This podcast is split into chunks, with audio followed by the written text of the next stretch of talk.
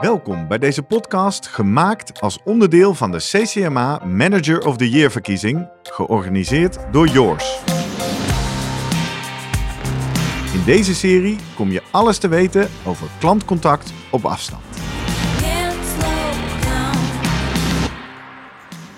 Mijn naam is Gerrit Heikoop en in deze aflevering ga ik in gesprek over de klant centraal stellen. Met de volgende twee halve finalisten. Gita Hoeks, senior manager klantservices bij Zilveren Kruis. En Thomas Dinkla, teamlead Customer Service Hub bij bol.com. We nemen deze aflevering op in april 2021. Het is nu iets meer dan een jaar nadat we plotseling allemaal overvallen werden door een wereldwijde pandemie. Daarom vraag ik aan al mijn gesprekspartners in deze serie als eerste vraag: goh, welk effect heeft corona gehad op jullie klantcontact? Nou weet ik van jou, uh, Thomas, dat jij uh, een jaar en één week geleden ongeveer bent gaan werken bij de bol.com. Dus jij kent de wereld niet anders dan in coronatijd. Dus Gita, mag ik bij jou beginnen? Wel, welk effect heeft corona gehad op je klantcontact bij Zilveren Kruis? Ja, natuurlijk mag je bij mij uh, beginnen. Um, het effect dat het heeft gehad op klantcontact bij Zilveren Kruis was dat wij van de een op de andere dag uh, een klantcontactcentrum hadden met heel veel nieuwe werkplekken en uh, werkplaatsen. En ik moet je zeggen, dat is eigenlijk fantastisch verlopen. Dus het is ons gelukt om eigenlijk echt van de ene op de andere dag om te schakelen. Mensen hun werk volledig thuis te laten doen. Dat kon omdat we al langere tijd ook dagen thuiswerken hadden en daar bekend mee waren. en op die manier zijn we in één keer helemaal omgeschakeld. Ja, dus dat is de fysieke verandering waar we natuurlijk met heel Nederland naar om moesten. Ja. En vervolgens, wat voor veranderingen heb je nog meer in het afgelopen jaar gezien? Ja, wat er dan gebeurt is natuurlijk uh, is, is heel, uh, heel dubbel. De eerste periode was ontzettend hectisch, want je moet uh, leren hoe ga je zo'n klantcontactorganisatie opnieuw aansturen. Hoe doe je dat vanuit thuis? Hoe heb je contact met je teamleiders? Hoe hebben teamleiders contact met mensen? Hoe houd je het leuk? Hoe laat je voelen dat je er bent? Uh, maar ook zelf, hoe uh, doe je een werk-privébalans? Uh, wanneer ben ik er voor mijn gezin buiten de deur en wanneer ben ik aan het werk? Mm-hmm. Um, ik merkte bij mijzelf dat de dagen ontzettend door elkaar gingen lopen. dat ik ochtends heel vroeg begon, laat klaar was, laat stopte met werken. Dat ik niet naar buiten ging, de hele dag bleef zitten. op een gegeven moment gingen letterlijk mijn oren ervan piepen. En dat is het moment geweest waarop ik dacht: oké, weet je, dit is echt dit een nieuwe tijd. Dit moet ja. echt anders. Ja. ja. En wat is het belangrijkste ding wat je toen veranderd hebt? Um, ik heb uh, veel meer ruimte in mijn agenda gemaakt om gewoon te zijn. Hè. Dus iedere middag een blok van 12 tot 1, hoe simpel kan het zijn? Maar dat echt ook hard erin. Uh, s ochtends voor ik aan het werk ga, ga ik lekker naar buiten om een stuk te wandelen. Um, ik heb mijn uh, collega's uh, uh, heel erg gestimuleerd om hetzelfde te doen. Mm-hmm. Dat heeft wat voeten in de aarde gehad, maar het is inmiddels ruim gelukt, dus dat is fijn. We lopen de Ommetjes-app ook met alle teammanagers om te zorgen dat we ook in die beweging blijven en wat competitie blijven voelen in, in hoe dat ook werkt. Ja. Um, dus dat is wat ik anders ben gaan doen. En ik ben minder uh, gaan overleggen. Dus ik heb echt meer blokken uh, gekozen om, uh, om gewoon tijd te hebben, om na te denken, om afstand te nemen, om creativiteit te gaan voelen. Want ik merkte dat ik zo ontzettend functioneel werd, dat ik eigenlijk akelig van mezelf werd. Mooi. Minder overleggen. Dat is een eerste ja. mogelijke tip die we hier ja. opschrijven in deze aflevering. Ja. Thomas, hoe was dat voor jou? Ik zei het al, je bent in coronatijd in je nieuwe rol begonnen bij bol.com. Ja, dat klopt. En uh, ik moet ook eerlijk zeggen dat ik dat van tevoren ontzettend spannend vond. Omdat je in een nieuw bedrijf met een uh, nou, hele andere bedrijfscultuur eigenlijk toch uh, vanuit je, nou ja, in mijn geval zolderkamertje in één keer een tweedimensionaal bedrijf voorgeschoteld krijgt. Ehm, maar als je dan uiteindelijk daar eenmaal in zit een paar dagen, dan weet je ook gewoon niet beter. En mm. loopt het toch altijd best wel goed. En, en wat het mooie is, uh, wat ik in ieder geval heb gemerkt bij bol.com, is dat uh, eigenlijk vanaf het allereerste begin de prioriteiten ook echt helder waren in die pandemie. Mm-hmm. Namelijk eerst denken om je eigen gezondheid, dan om die van je gezin en die van je familie en dan pas uh, denken aan bol.com. En het mooie is dat dat, zo krachtig wordt uitgestraald door de, je hele bedrijf, dat je daar dan heel goed ook in kan volgen en het goede voorbeeld kan geven aan je mensen, om ervoor te zorgen dat zij ook die balans ja, waar Gita het ook nu over heeft, ook echt kunnen waarmaken, zodat je niet één grote blur krijgt tussen werk en privé. Ja, dus dat gaat heel erg over je medewerkers welzijn en je eigen organisatie. Ja. Zag je ook iets veranderen aan de klantcontactkant? Uh, nou ja, je kan dat misschien niet zelf waarnemen, maar heb je misschien wel gehoord van je collega's? Nou, het is um, eigenlijk in de basis is ons werk natuurlijk helemaal niet zo heel erg veranderd. Want uh, uh, het enige is. ik, ik, ik, nou ja, ik kan me voorstellen als de retail gesloten wordt, dat het nogal wat betekent voor een organisatie als die vier. Nou ja, wij zitten, wij zitten absoluut. Uh, we, we, hebben nogal wel wat positieve effecten gehad met bol.com van de, deze hele crisis. Dus wat dat betreft hebben we ook gewoon helemaal niks te klagen. maar je ziet dat het, de volumes wel toenemen. En wat, wat eigenlijk het belangrijkste verschil is is niet zozeer dat we uh, op een technisch op een andere manier gaan werken, want we krijgen nog steeds onze chats en onze telefoontjes binnen. Uh, maar uh, het, is veel belang het is echt heel belangrijk om de mensen die nu in één keer in hun eentje thuis zitten, echt erbij te houden op een positieve, constructieve manier, waarbij ze nog steeds wel dat teamgevoel hebben en verbonden blijven met het bedrijf. En daar zit denk ik de belangrijkste verschuiving, dat je daar uh, veel meer aandacht voor moet hebben. Mhm. Om ervoor te zorgen dat dat gebeurt. Uh, in plaats van dat je uh, nou ja, te maken hebt met nou ja, de functionele coaching en de verbetering van je gesprekken. Ja, en we horen net van Gita al de ommetjes-app als verbinder en beweger. Hoe, hoe, geef jij daar concrete invulling aan? Nou, eigenlijk het allerbelangrijkste wat we doen is voor veel werken via Teams. Dus zorgen dat je. En dan heb je dus niet de organisatievorm Teams, maar de fysieke videoconferencing tool. Exact. Um, en waarbij je eigenlijk alle facetten die dat uh, programma heeft inzet om ervoor te zorgen dat iedereen erbij blijft. Dus we hebben groepschats met uh, al mijn uh, nou ja, ongeveer 170 mensen, waarbij iedereen gewoon even goede zegt. Niet allemaal gelukkig, maar wel heel veel. Uh, maar met, uh, ik heb chats met mijn uh, met teammanagers. Teams hebben onderling met elkaar eigenlijk gedurende de hele dag contact.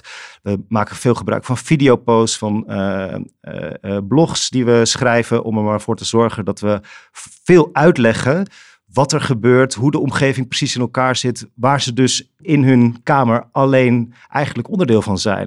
En je mhm. ziet dat dat zo belangrijk is om dat te doen. En als jij zegt we, dan bedoel je jij met jouw collega leidinggevende aan de mensen die het klantcontact absoluut. doen? Absoluut, ja, zeker. Die bedoel ik, ja.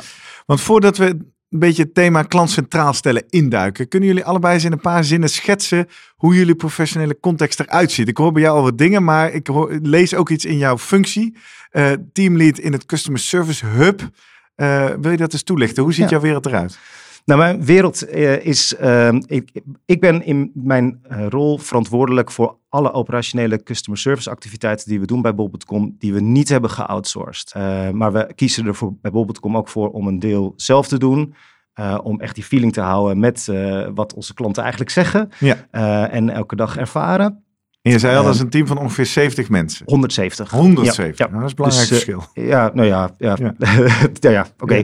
Maar, um, en die... Um, uh, en, en wat wij proberen te doen is uh, ervoor te zorgen dat wij uh, nou ja, zo goed mogelijke performance neerzetten op alle nou ja, cijfers die er zijn. Maar wat we ook proberen te doen is ervoor zorgen dat we een goede verbinding hebben met alle andere bedrijfsonderdelen. Mm -hmm. IT, met marketing, om nou ja, te testen wat we bedacht hebben, of dat eigenlijk wel aansluit bij onze klantbehoeften. Dus uh, uh, nou ja, uh, of voor marketing of proposities oké zijn bij IT of systemen echt gaan werken. maar ook op het moment dat er dingen gewoon niet helemaal goed gaan, die klantfeedback echt terugbrengen in de rest, naar de rest van de organisatie.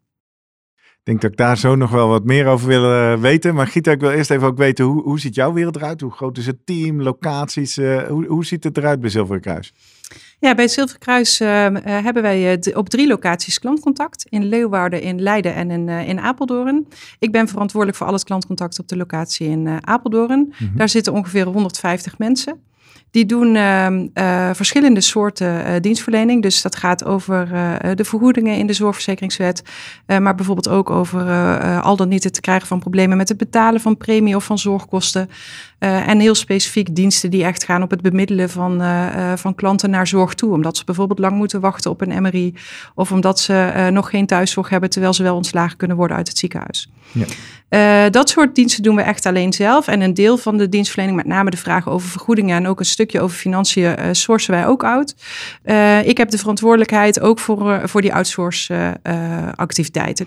En daarnaast heb ik een team kwaliteit en opleidingen, wat verantwoordelijk is voor het meten van de kwaliteit in het En voor het ja, zeg maar steeds moderner en, en, en digitaler gaan opleiden van onze call agents.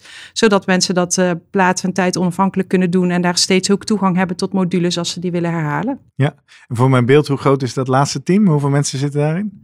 Dat zijn er niet zoveel. Nee. Daar zitten een man of tien bij elkaar. Ja. ja. en dat doen we. Dat is wel heel mooi. Dat is in, in samenspraak met mensen op de locaties. dus op elke locatie zitten senioren, zoals die bij ons genoemd worden. Die doen voor een deel klantcontact. Maar voor een, een, nog belangrijker deel zijn die bezig met het coachen en het begeleiden van de agents in het, in het ontwikkelen van hun, hun kwaliteit. Om de klanttevredenheid nog verder te kunnen verhogen. Ja, precies. Dus dat, daar, daar komt de innovatie uit het team wellicht naar voren. Ja, ja voor een stuk komt die in die hoek naar voren, absoluut. Ja. ja. Nou gaan we in deze podcast op de weg naar de finale van de Manager of the Year op zoek naar jullie overeenkomsten. Natuurlijk ook de verschillen en onderweg proberen we zoveel mogelijk tips te verzamelen voor onze luisteraars. En aan het einde willen we natuurlijk ook een soort belangrijkste les op het gebied van de klant centraal stellen. Nou, laten we die er maar eens ingooien. In, in de wereld van bol.com, wat betekent de klant centraal stellen voor jou? Nou, de klant centraal stellen voor mij of voor bol.com? Nou, laten we beginnen bij jou. En nou, daarna dat doorvertalen naar de organisatie. Nou, wat mij betreft is, uh, als je kijkt naar uh, uh, de opdracht voor customer service, bij welk bedrijf dan ook, dan is die eigenlijk altijd best wel heel erg simpel. Namelijk, er is ergens iets of iemand verkeerd gegaan binnen het bedrijf en wij zijn hier om het op te lossen. Mm -hmm. En dat vind ik een prachtige rol om te pakken. Een soort van, nou ja, superheldenrol. Uh, zo worden we niet altijd gezien. Ik weet niet hoe dat bij jullie is, maar uh, we zijn af en toe nog wel een beetje de Clark Kent van de organisatie. Hè? Maar, de, um, hè, maar, maar het is natuurlijk een, een prachtige uh, plek en een prachtige positie. Want het is eigenlijk nooit onze schuld. Dus dat is, een, heerlijke, dat is een, heerlijke, een heerlijke rol. Ja, tegelijkertijd en, maak je dat ook enorm afhankelijk van de mensen van wiens schuld het wel is. Nou, afhankelijk en is de samenwerking ook essentieel om aan te trekken. Ja. en dat, dat is vind ik ook echt prachtig om te doen. Hè? Want dat betekent dat als je echt die klant centraal wil stellen, dat je op die plek uh, vanuit klantfeedback, de dingen die er vaak toch misgaan, uh, maar de vragen die ook gesteld worden, die we mogelijk hadden kunnen voorkomen, dat we die ook verder kunnen brengen om ook die klantbeleving voor het hele bedrijf beter te maken. Ja. Nou, en als je dan kijkt naar dat is dan hoe ik er naar kijk. En als je dan kijkt naar bol.com, dan zit, is dat wel echt een bedrijf wat dat, nou ja, zoals ik het heb leren kennen in het afgelopen jaar, eigenlijk altijd dat die klant zo centraal heeft gesteld. Die heeft dat echt zo sterk in zijn DNA zitten. En dat, en dat, en dat bewijst zich ook nou ja, aan de processen die wel goed uh, op elkaar zijn afgestemd, maar ook op uh, de positie waar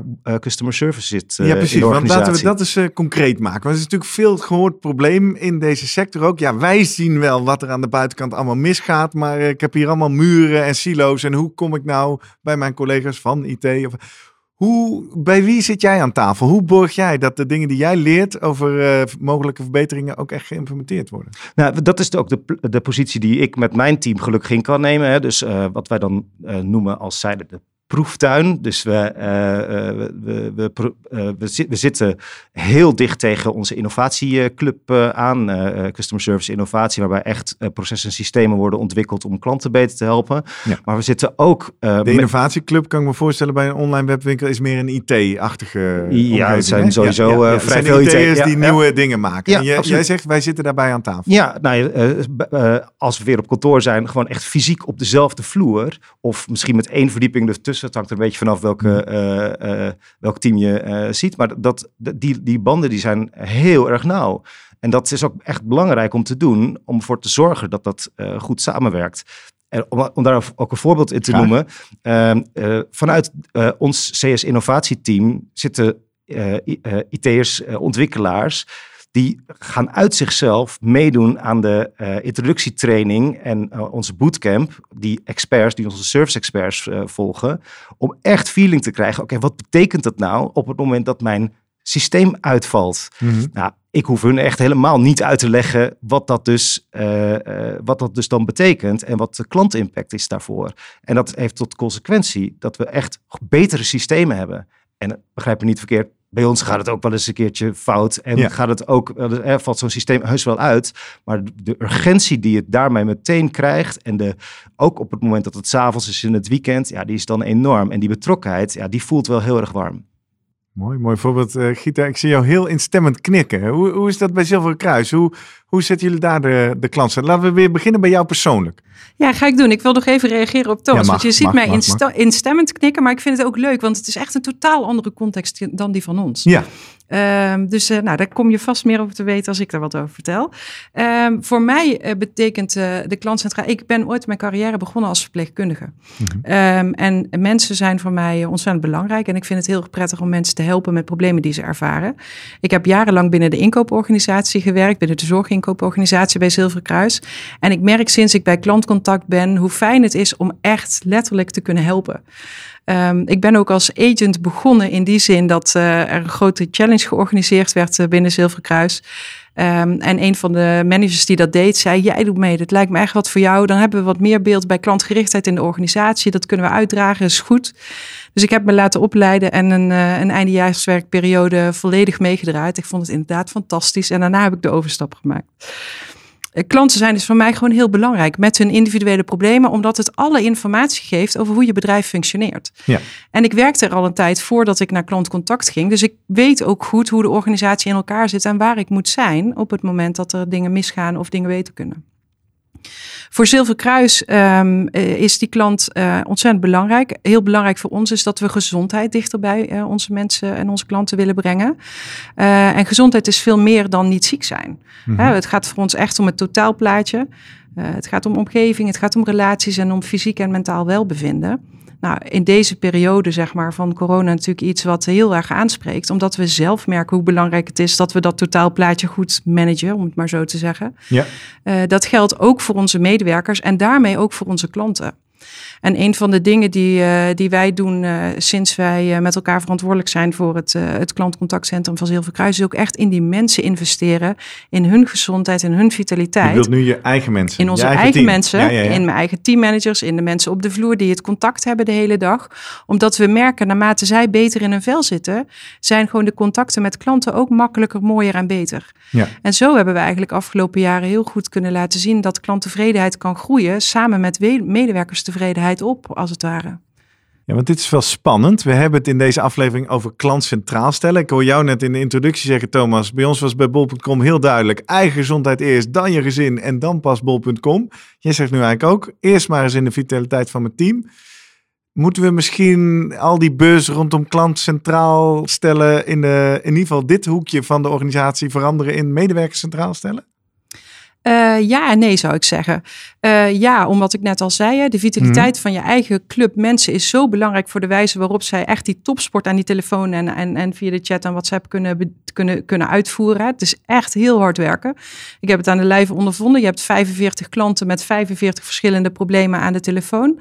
Ehm, in, in ons werk is het vaak ook nog echt is het diepgaand. Hè? Mensen komen te overlijden, zijn op zoek naar, naar zorg, ehm, eh, komen in aanraking met, met moeilijke situaties. Dus het komt ook echt letterlijk heel dichtbij. En je, je moet eh, eh, een minuut of zes, zeven, acht en dan heb je weer een nieuwe klant met een nieuw probleem aan de telefoon. Dus om dat echt goed vol te kunnen houden, is het belangrijk dat je zelf echt in balans bent. Eh, dus in dat opzicht zou ik zeggen ja. Maar wat ik heb gemerkt is, ehm, eh, als je je organisatie echt alleen maar richt naar je eigen mensen, dan ga je niet die klant bieden wat hij uiteindelijk nodig heeft. Nee. Dus het, eh, het, het customer journey denken is daarin wat mij betreft heel belangrijk. Binnen Zilverkruis doen we dat vanuit design thinking. Een mooi voorbeeld daarvan is dat wij vanuit de basisverzekering vervoer voor onze klanten vergoeden.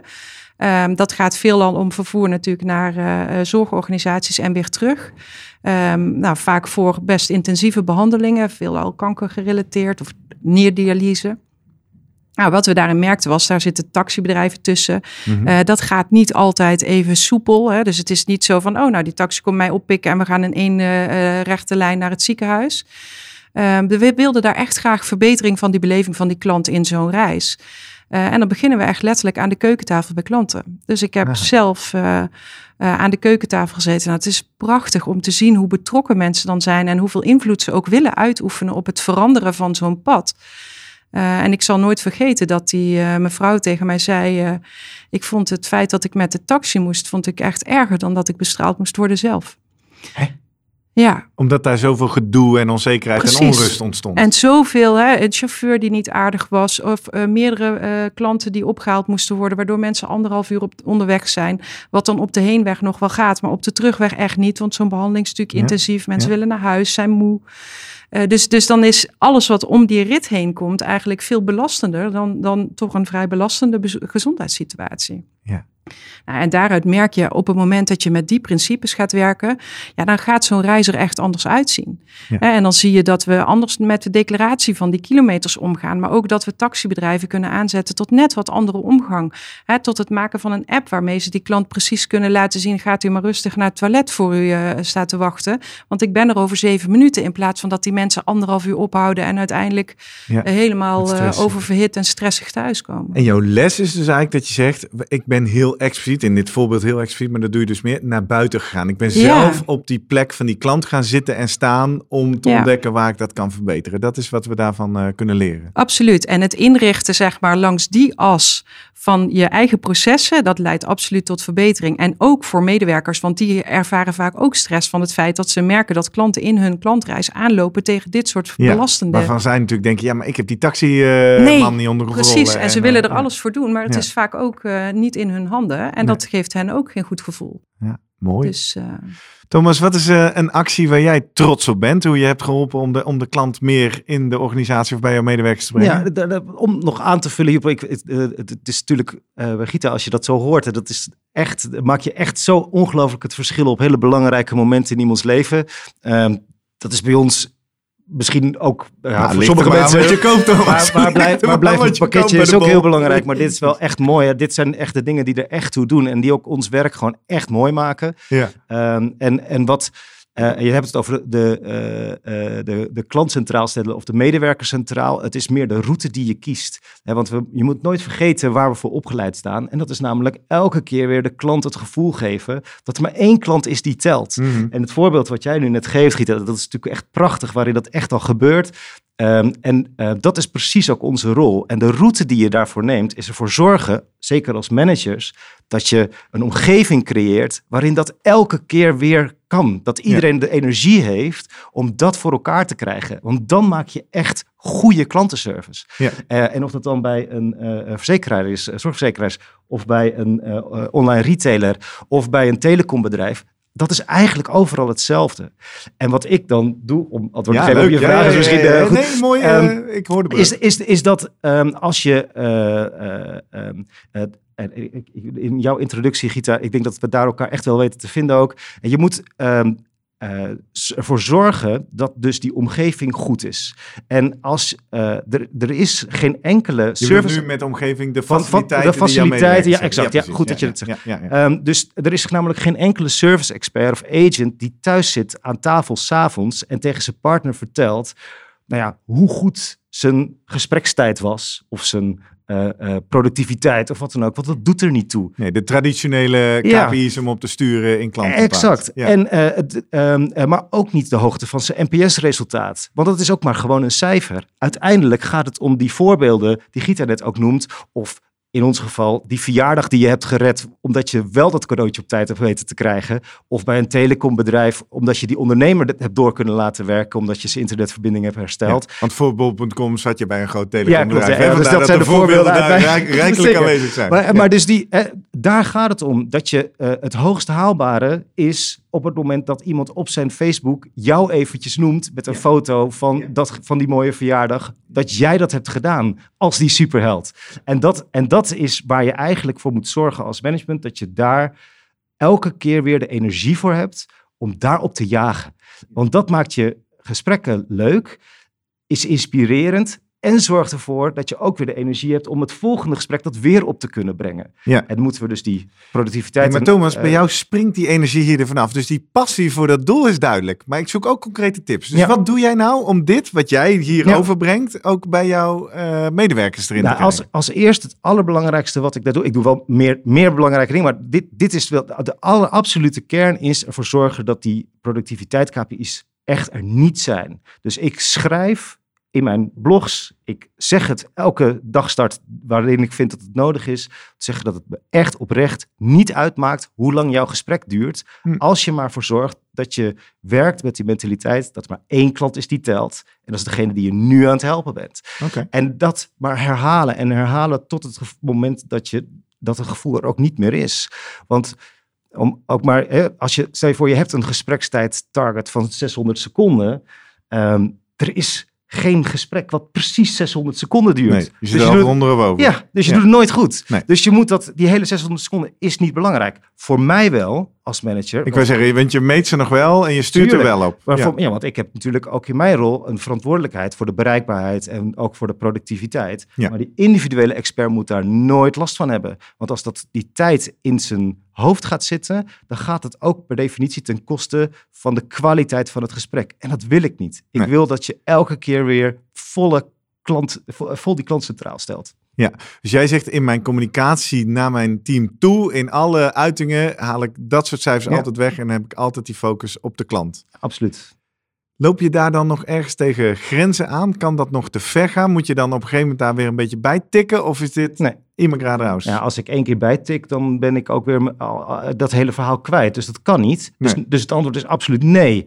Ehm, en sterker nog, het is, dat is ook helemaal niet erg. Want als er namelijk een expert naar mij toe komt en die zegt, of naar mij, of naar zijn teamlead, of naar, eh eh, naar Huub Vermeulen, de CEO van Bob.com, en die zegt, ik heb nu twee uur nodig om deze klant supergoed te helpen, dan is er toch niemand die zegt, nee, dat mag niet. Nee, dat kan niet. Dan zeggen, Lang mag wel, maar een half uur gezegd. het enige antwoord dat er dan zeggen is, eh, kunnen we ergens bij helpen en zal ik niet even koffie voor je halen? Ja. En dat is de, en dat, dat moeten we ons wel met elkaar goed realiseren. Dat dat natuurlijk de, manier consequentie is, Ja, de ja. consequentie is. En dan kan ik de volgende dag prima mijn productiviteitscijfers uitleggen. Omdat we gewoon even wat moeilijkere cases hadden. En we weten ook wat het is en waarom we die er waren. En zorgen ook dat het uiteindelijk weer verbeterd wordt op het moment dat het nodig is. Mooi. Hebben jullie het gevoel dat eh, de focus op klanttevredenheid is toegenomen de afgelopen jaren? Eh, ja, dat denk ik wel. Ja? Ik denk dat, eh, dat bedrijven zich steeds meer bewust worden van het feit dat de ervaring die de klant heeft, effect heeft op, op hoe graag hij ergens bij wil horen of, eh, of, of, of nou, in het geval van Thomas wil kopen. Ehm, en ik denk dat het ook echt terecht is. Dus ik, ik denk ook dat naarmate je, ik, ik, ik ga mezelf maar na, op het moment dat ik ergens een positieve ervaring heb, hè, om, om Thomas even een klein complimentje te geven, Gaat best wel lekker bij de bol. het gaat best wel lekker bij de bol. En van de week ging het even niet lekker bij de bol, maar de bol was mij voor. Dus ik had nog geen onrust. eh, Hoewel ik wel een paar keer had gezegd, joh, ik heb dat pakketje eigenlijk nog niet gezien. Maar ik had al een mailtje van, eh, joh, klopt het eigenlijk wel dat ze het gewoon naar ons hebben geretourneerd? Eh, en het antwoord was nee. En dan is bol mij voor. Ja. Ja. Eh, en dat doet iets met mijn beleving. Hè? Dus dan betaal ik graag die euro extra. om uiteindelijk ook op die manier bediend te worden. Ja. Dus, dus ik herken wel dat het belangrijker wordt. En, en dat dat ook zo ervaren wordt binnen bedrijven. ja, en wat betekent dat voor jouw positie binnen Zilveren Kruis? Merk je ook Ja. dat je meer invloed kan gaan uitoefenen op je andere managers in andere takken? Of wat, wat merk je ervan? Nou, dat is wel dat is een, een terechte vraag. Ik merk namelijk dat ik daar in de positie van Thomas bijna makkelijker antwoord op kan geven dan voor die van mijzelf. Eh, want in een, voor een zorgverzekeraar is dat wel wat anders. Uiteindelijk is in, eh in zorgverzekeraarsland is de premie van je polis natuurlijk heel erg bepalend voor eh, waar wil jij verzekerd zijn. Eh, en uiteraard op het moment dat mensen echt heftige dingen meemaken, dan zien we heel vaak dat als je daar een goede ervaring in kunt geven, dan, dan, dan brengt dat loyaliteit. En ieder gesprek wat je in dat kader hebt, draagt bij aan het loyaal hou- houden van je klanten en een verbinding met je merk. Eh, maar die lage premie is wel ontzettend van belang. En je wil zeggen, wij zijn een jaar lang aan het investeren in klantrelaties. En in december komt Independent gewoon weer met de prijzen. En dan gaan ze van een euro naar een ander. Nou ja, dat is absoluut een, eh, een onderdeel van de dynamiek Ja. in zorgverzekeraarsland. Ja. Betekent het dan dat in jullie organisatie dat soort harde KPI's als afhandeltijd eh, toch belangrijker zijn? Hè? Kan jij bureau? Dat klopt, ja. En, en, en belangrijker dan bij Thomas, dat, dat denk ik niet. Maar ze staan wel in een ander daglicht. Eh, dus als je mij zou vragen naar mijn sturing, is het antwoord niet dat ze er niet zijn voor mijn agents. Nee. Eh, het antwoord is wel dat de klanttevredenheid het allerbelangrijkste is. Dat je je klant voorop zet, dat het daarom gaat. Maar dat je daarbinnen uiteindelijk wel probeert het goede gesprek te voeren. Dus de coaching coaching vindt ook plaats. En niet alleen op hoe, hoe maak je die klant meer tevreden, maar ook op hoe hou je je gesprek compact en zorg je dat de structuur dusdanig is dat het uiteindelijk uit kan. En daarmee de bereikbaarheid overal ook gewoon voor iedereen goed blijft. Dus dat is absoluut wel onderdeel. Waarbij, uh, als je mij vraagt van waar maak je dan het verschil? Ja, door wel echt naar die mensen te kijken. En door het echte gesprek met ze te voeren, hoe is het nou met jou? En op het moment dat het even niet zo is met jou, dan halen we je er gewoon eens even uit die lijn. Heb je het nu over de agent of over de klant die belt? Over de agent. Aha. Precies. Over de agent. Ja, ja, ja. Dus het is niet zo dat, uh, dat je je agent stuurt op je moet het echte gesprek over, uh, voeren over hoe is het nou met jou. Nee, dan mag je lekker compact probleem oplossen nou, nee, dat gesprek, dat, want dat vinden we daar wel echt een heel belangrijk element in. Het goede gesprek is bij ons echt een thema geweest. Daar hebben we een aantal jaren geleden onze mensen echt in opgeleid. En dat gaat ook echt heel sterk over het voelen van je eigen energie, maar ook het voelen van de energie bij die klant. Hmm. En je kunt heel makkelijk merken aan mensen of ze heel functioneel erin zitten en snel antwoord willen, of dat ze hun emotie kwijt willen. En op het moment dat die emotie in dat gesprek is, dan is het absoluut belangrijk om die eh, emotie ook echt mee te nemen in de wijze waarop je je vraag beantwoordt. Dat is ook wat wij aan mensen vragen. Dat is onderdeel van wat wij kwaliteit vinden. En de klantimpact is daarin echt de belangrijkste uh, uh, zeg maar KPI waar we naar kijken. Van hoe gaat het? Hoe ervaren klanten wat we doen? Um, dus die, die, ja, die, die mag daar wel echt zijn. Als ik dan kijk naar, is dan binnen Zilveren Kruis uiteindelijk uh, de klant de afgelopen jaren belangrijker geworden? Is het antwoord ook ja, die is mhm. zeker belangrijker geworden. Maar vooral omdat we veel meer in die reis van die klant willen betekenen. En daarin hebben wij natuurlijk heel... In je dienstverlening wil je zeggen, Precies. schuif je op naar preventie. En dus moet je veel meer uh, bij de mensen thuiskomen. Zeg maar. je, je schuift op naar een... Merk. Ja, je, je, schuift op naar, uh, naar dat totaalplaatje van gezondheid. En je schuift op naar, oké, wat hebben mensen dan nodig? En wat kunnen wij daarin doen? En een van de dingen die we daar bijvoorbeeld in doen is, um, we hebben, ik zei dat net al, dienstverlening voor mensen die uh, hun premie even niet of, of echt niet kunnen betalen of een zorgkostennota niet kunnen betalen. Ja, dat kun je op je af laten komen en daar kun je een eerste, tweede, derde betalingsherinnering over sturen en vervolgens een incassobureau op inzetten. En je kunt ook bij de tweede herinnering bellen van, hé, hey, als dat nu niet goed komt, dan zijn er consequenties. En wij kunnen ons voorstellen dat u daar helemaal niet op zit te wachten. Kunnen wij u helpen? Hmm. Kunnen we met u meekijken hoe we dit wel handig inregelen. En daar zie je dat door echt te investeren in het voorkomen van financiële problemen, werk je ook weer positief aan het totaalplaatje van gezondheid voor je klanten. Ja. Dus door op die manier dat, dat, dat soort denkbeelden veel meer in je hele handelswijze mee te nemen, komt die klant steeds centraler te staan. Ja. Dus in dit voorbeeld hoor je heel mooi, jullie hebben een belang als organisatie, namelijk er moet betaald worden. Tegelijkertijd heb je oog voor de, uh, de omgeving van je klant. En door in die communicatie die allebei mee te nemen, kom je tot een betere hè, klantrelatie. Wat, wat valt hier nou te leren voor een luisteraar? Hoe, hoe kun je dit nou in, door heel je organisatie en in je cultuur inbrengen? Hoe, hoe doe jij dat? Ja, hoe we dat doen is, is nou ja, het, het goede gesprek is daar heel belangrijk voor. Want het gaat echt om wat uh, wat mij beweegt als mens, maar ook wat jou beweegt en ook wat die klant beweegt. En in, in, in dit voorbeeld, eh, er is echt geen klant die niet wil betalen. Hmm. Het, is, het is niet zo dat klanten dat niet willen. Er zit heel vaak een probleem. Het komt nu even niet uit of het kan echt niet. Nee. Uh, en die zorgverzekering is verplicht. Op het moment dat je die niet betaalt, dan word je gestraft hè, na zes maanden. Dan ga je, krijg je een centrale aanmelding met boetes. Daar zit niemand op te wachten. En door dat, dat te zien en het gesprek daarover te voeren en mensen daar echt aan de basis bij te helpen ja. Hè, of het nou mijn medewerker is die ergens mee worstelt in plaats van dat die AT te hoog is, dat ik ga snappen waarom zit hij niet lekker in zijn vel? Wat heeft hij eigenlijk nodig? Zit hij hier op zijn plek? Of kan ik in de thuissituaties betekenen? Kan ik iets organiseren waardoor het makkelijker wordt? Ja, daardoor krijg je echt een verandering in met elkaar omgaan. En dan ervaren mensen betrokkenheid. En dan zoek ik hem toch nog een keer, want ik wil hem concreet maken. Hoe heb jij dit, deze mentaliteit, in jouw team en, en vul aan, Thomas, als je zegt, daar heb ik wel idee over. Hoe, hoe heb je dat bij de mensen? Is dat, is dat training? Is dat iedere maand een gesprek met elkaar erover? Is het voorbeelden? Hoe, hoe, hoe, doe je dat? Ja, ontzettend, ik, ik moet je zeggen, het is ontzettend intuïtief gegaan. Daarom is het ook best lastig om het, om het to the point aan je aan te geven. Het is een combinatie. Hè? Dus het is, uh, um, ik, ik ben begonnen in deze baan en um, gekscherend zeiden ze na een dag of tien, weet je, je moet wat dozen tissues bestellen. Maar ik ben gewoon begonnen van mens tot mens. Kom eens zitten, hoe is het met jou? Ja. Uh, heb je, het je zegt eigenlijk, het zit in jouw eigen leiderschapsstijl. En daardoor verspreid je dat door de organisatie. Ik denk dat dat er zeker mee te maken heeft, ja. ja. En het is niet iets wat per se in je leiderschapsstijl moet zitten. Want ik merk dat ik in de samenwerking met mijn teammanagers, bij wie een aantal dat helemaal niet zo van nature is, hè, die een, een heel ander profiel hebben, die kunnen dat ook. Hmm. En die kunnen ook uh, op dat gevoel inspelen en, en, en, uh, en andere zintuigen gaan gebruiken in beoordelen hoe het staat, dan alleen maar in een Excel-bestand kijken wat de AT en de KTV doen bij iemand. Ja, precies. Maar als ik, als ik ja. mag aanvullen, want een, een van de, uh, als je op een gegeven moment zo goed weet, zoals jij eigenlijk dat nu omschrijft, Rita, hoe, hoe, welke competenties je nodig hebt in je organisatie, dan is het echt ook heel belangrijk om je werving en selectie daar ook op aan te passen. En dus, dus als je, uh, bij ons zijn dat dan, dat zal bij jou echt anders zijn, maar bij ons zit dat voor, vooral in ondernemerschap, creativiteit, um, uh, flinke dosis energie. Um, en als je daar dan eigenlijk al bij de poort een hele strenge selectie doet op die dingen en daar ook nooit concessies aan doet, dan kan je er ook echt voor zorgen dat dat ook in een soort van stroomversnelling komt, waardoor de nieuwe aanwas ook die uh, uh, mentaliteit alleen maar versterkt. En dan gaat die oude garde, zoals jij volgens mij heel terecht zegt, ook vanzelf wel mee. Want die ziet ook, die raakt daar ook weer door geïnspireerd en denkt, oh wacht even, dat kan ik ook. En die ontwikkelen zich dan ook veel sneller. Ja. Dus je zegt eigenlijk, eh, die verandering, die, kun je, die begint aan de poort. Maar dat betekent dus wel per definitie dat je wel te maken hebt met een beetje een lekkere omloopsnelheid. Anders, als, hè, als je een enorm loyaal team hebt, dan, uh, dan verandert er weinig. Nou, een van de, uh, de, de dingen die, die tijdens de pandemie nu eigenlijk opvalt, is dat het verloop juist heel erg laag is. Hmm. Dus we hebben echt bijna geen verloop. Ik denk dat het bij jullie net zo is.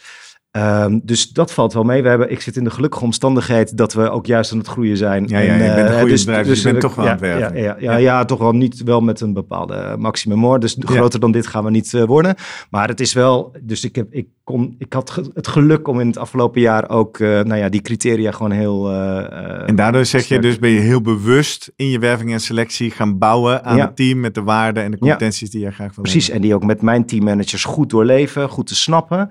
Uh, en daar ook nooit eens concessies aan doen. Echt nooit. En ook heel streng te zijn uh, tijdens de training. En uh, nou ja, daar ook gewoon ook momenten van go en no-go op te hebben. En dat klinkt nu wel heel erg strikt. Want ja? uiteindelijk is dat gewoon hartstikke leuk en gezellig. En een mooie training. En iedereen gaat er met energie uit. Ondanks dat het allemaal online is. Maar dat zorgt er wel voor dat je zeker weet dat je de mensen die je echt nodig hebt om die excellente service neer te zetten, ook kan ook, ook hebt, werkelijk. Ja. het is wel leuk, Thomas, want bij ons zit die dynamiek natuurlijk heel anders.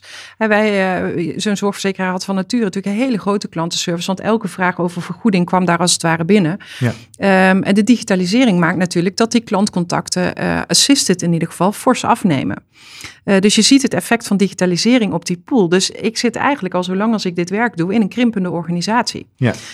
Um, dus en, de, deze mogelijke tip over uh, werf erop, die is voor jou helemaal niet van toepassing. Je bent eigenlijk je team aan het verkleinen voortdurend. Nou ja, het allebei, ook allebei waar. Hè? Want ja, ik ben het team voortdurend aan het verkleinen. En ik heb natuurlijk op een gegeven moment ook gewoon uh, wat verloop wat ik wel weer aangevuld Precies. wil hebben om op een bepaald niveau te blijven in een bepaalde periode. Dat is ook fijn, hè? want dan heb je wel wat Thomas zegt, hè? die verfrissing en daarmee ook de mensen die ook de energie kunnen brengen en het voortouw kunnen nemen op de manier zoals je het graag wil.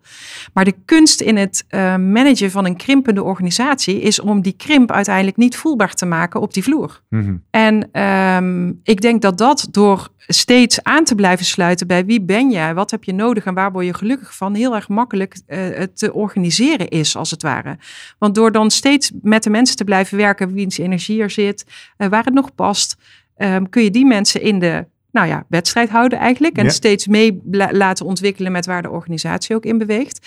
En tegelijkertijd neem je afscheid van de mensen die uh, ook toe zijn aan iets anders. Of aan het doorgroeien of aan een keer een andere organisatie. Waardoor uiteindelijk het heel natuurlijk voelt dat je de beweging maakt die je maakt. Ja. En het interessante is, uh, we, hebben, we kort geleden op een rijtje gezet. Sinds 2013 is ons uh, uh, geassisteerde klantcontact echt met, met, de, met 50% gedaald. En als je de mensen vraagt die daar in die periode in zaten, dan je, hè? De helft van de contacten weg. Dus het is nauwelijks, mensen zijn ja, zich nauwelijks bewust niet, we zijn geweest. met z'n allen in een krimpende organisatie en uh, het wordt allemaal minder. Nee, nee, je ziet alleen op die personeelsfeestjes, maar ja, die zijn nu ook online. Precies. Ja. Nee, en het wordt, het wordt beter. Hè? Ja, dus de, de, de, de, betrokkenheid die mensen voelen wordt steeds beter. De klanttevredenheid wordt nog steeds beter. Het verzuim wordt steeds lager. Dus het, het is eigenlijk het is fijner. Positief. Het is fijner om er te werken dan uh, uh, terwijl, terwijl het onder je neus, als het ware, ook, minder ook wordt. kleiner wordt. ja. Tot slot, een, een stukje visie in deze aflevering. Eh, Als jullie eh, een toverstokje mochten hebben, wat is wat jullie betreft nou iets wat je echt nog zou willen veranderen in je organisatie, in je team, in je eigen context, in de rest van de organisatie, om die klant nog meer centraal te kunnen stellen? Ja, wat ik merk is, het, het ketendenken is de afgelopen jaren enorm toegenomen. Uh, en dat betekent dat we, uh, waar Thomas straks vertelde, dat hij dan makkelijk afstemming heeft met, uh, met IT. dat voor, voor, mij geldt dat ik heel makkelijk afstemming heb met de mensen van zorginkoop die bepalen onder welke voorwaarden de zorg wordt ingekocht. Of met de mensen vanuit commercie die een polis samenstellen en uiteindelijk bepalen waar vergoedingen zitten. Um, als je mij vraagt van waar zou je nou nog meer van willen hebben, ja, dan is het van een integrale blik vanuit die verschillende uh, nou, hoeken van de organisatie op hoe help je je klant en dien je ook je bedrijfsbelang. Dus mm. soms komen er toch nog dingen uh, bij wijze van spreken tegenover elkaar te staan, hè, waarin je, om maar eens iets te noemen, om fraude te beheersen, uh, maatregelen wil nemen om klanten bewijs te laten aanvoeren. Nou, dat zou zomaar kunnen betekenen dat je van klanten vanuit wantrouwen gaat benaderen. Dat is precies wat je vanuit klantbeleving en klanttevredenheid en loyaliteit niet wil. En hoe zorgen we nou dat we standaard in die situaties die perspectieven verenigen. Want het kan ook echt en-en. Ja, mooi. Mooi, mooie boodschap. Ik hoop dat iedereen meeschrijft uh, die luistert. Thomas, voor jou? Nou, voor mij is het, zit het meer in, denk ik, in de technische hoek. Wat ik echt hoop dat we uh, in de komende jaren gaan verder ontwikkelen als branche zijnde ook. Ja. Uh, en dat zit hem niet zozeer in het goed afhandelen van al het binnenkomende verkeer via alle kanalen die we met elkaar hebben gecreëerd. Waardoor Ja, bij jullie dan misschien dan weer net niet in die, in die branche, maar over het algemeen dat het klantcontact zie je dat dat enorm toeneemt, omdat we allemaal kanalen hebben gemaakt. En, uh, ja, dat, meer deuren open. Meer, meer deuren open, dus dan krijg je ook meer vragen. En vervolgens zetten we daar chatbots uh, tegenaan om dat dan een uh, soort van te helpen. Um, wat ik hoop dat we, uh, waar we met als branche echt de omslag in zouden kunnen maken, is veel meer te werken vanuit het voorkomen van klantvragen. Dus zorgen dat die vragen die er uiteraard wel zullen zijn, maar dat je die uh, op het, met je communicatiemiddelen vanuit je app of via welk kanaal dan ook uh, uh, kunt voorkomen door op het exact het juiste moment de juiste informatie te verschaffen, waardoor die klantvraag helemaal niet meer nodig is om te stellen, omdat je het antwoord al hebt. En maar daar is dat nog iets wat jij wil veranderen, of heb ik daar net Gita een voorbeeld van horen noemen hoe jullie dat bij de bol.com al doen? Nou, dat... Uh, daar wil je nog dat, veel meer van. Nou, daar moeten we veel meer doen. Ja, daar moeten we ja. nog veel meer. Ja, dat klopt wel dat je daar het, inderdaad natuurlijk een voorbeeld van geeft, maar um, uiteindelijk gaat het er natuurlijk ook omdat je uh, uh, veel klanten nu uh, bij ons, maar ook bij andere bedrijven, best wel in, in geautomatiseerde oplossingen duwt. Mm -hmm. Die niet per se altijd even klantvriendelijk zijn. En waar de kassa's en de radars vaak over praten, wat toch niet helemaal lekker voelt. Ja. ja. en dat, daar, daar, daar doen we onszelf wel een beetje tekort mee. En dat het zou mooi zijn als we niet zo, zozeer onszelf gaan enten op het uh, verbeteren van die conversaties in die chatbots, maar veel beter gaan nadenken om onze big data te gebruiken om die uh, uh, klantvragen te voorkomen en te voorspellen wanneer die vragen komen bij die specifieke klant, om steeds op het juiste moment met de juiste informatie uh, beschikbaar te zijn, zodat hij niet eens meer contact Precies, dat je eigenlijk je operationele processen al verbeterd ja. hebt, zodat dat helemaal niet ja, ontstaat. Exact. Ja, ik, ik, ik herken heel erg wat je zegt, Thomas, want bij ons is het ook zo. Hè? Ik vertelde over de halvering van het geassisteerde klantcontact, maar in diezelfde tijd natuurlijk een verdubbeling van het unassisted contact. Ja, ja, ja. Hè, dus ook bij ons is dat zo. En de, de, de termen die ik herken onder wat jij schetst, zoals wij die gebruiken, is een naadloze kanaalswitch eigenlijk. Dus op het moment dat die klant dan wel een vraag heeft, zorgen dat hij eigenlijk niet weet wanneer hij nou wel of niet een mens aan de, aan, de, aan de lijn heeft, als het ware, in zijn antwoord. Maar uiteindelijk zorgen dat je er uh, uiteindelijk zelfs maar assisted bent als het nodig is. Mhm. En persoonlijk relevant worden. Dus bijna kunnen voorspellen wat heeft wanneer iemand in zijn uh, klantreis nodig. Om op dat moment die informatie al te leveren, nog voordat er om gevraagd is. Precies. En met name dat laatste hoor ik bij jou ook heel sterk terug. Ja, absoluut. En dat zijn absoluut elementen die ons heel ver gaan brengen komende jaren. Ik uh, kan alleen maar wensen dat jullie collega's van IT, operatie en marketing ook naar deze podcast luisteren en uh, bij jullie uh, regelmatig aan de deur staan. Want volgens mij zit hier een mooie visie om het veel beter te gaan maken. Onder andere bij bol.com. Dankjewel Thomas Dinklaar, teamlead Customer Service Hub. En natuurlijk ook bij het Zilveren Kruis. Dankjewel. Gita Hoeks, senior manager klantenservice bij Zilveren Kruis. Graag gedaan. Leuk, dankjewel. Deze podcast werd mede mogelijk gemaakt door de vrienden van de CCMA. Yours, Telecats, Konish, UiPath, en Vonage. Kijk op www.ccma.nl voor meer info over de Manager of the Year Awards.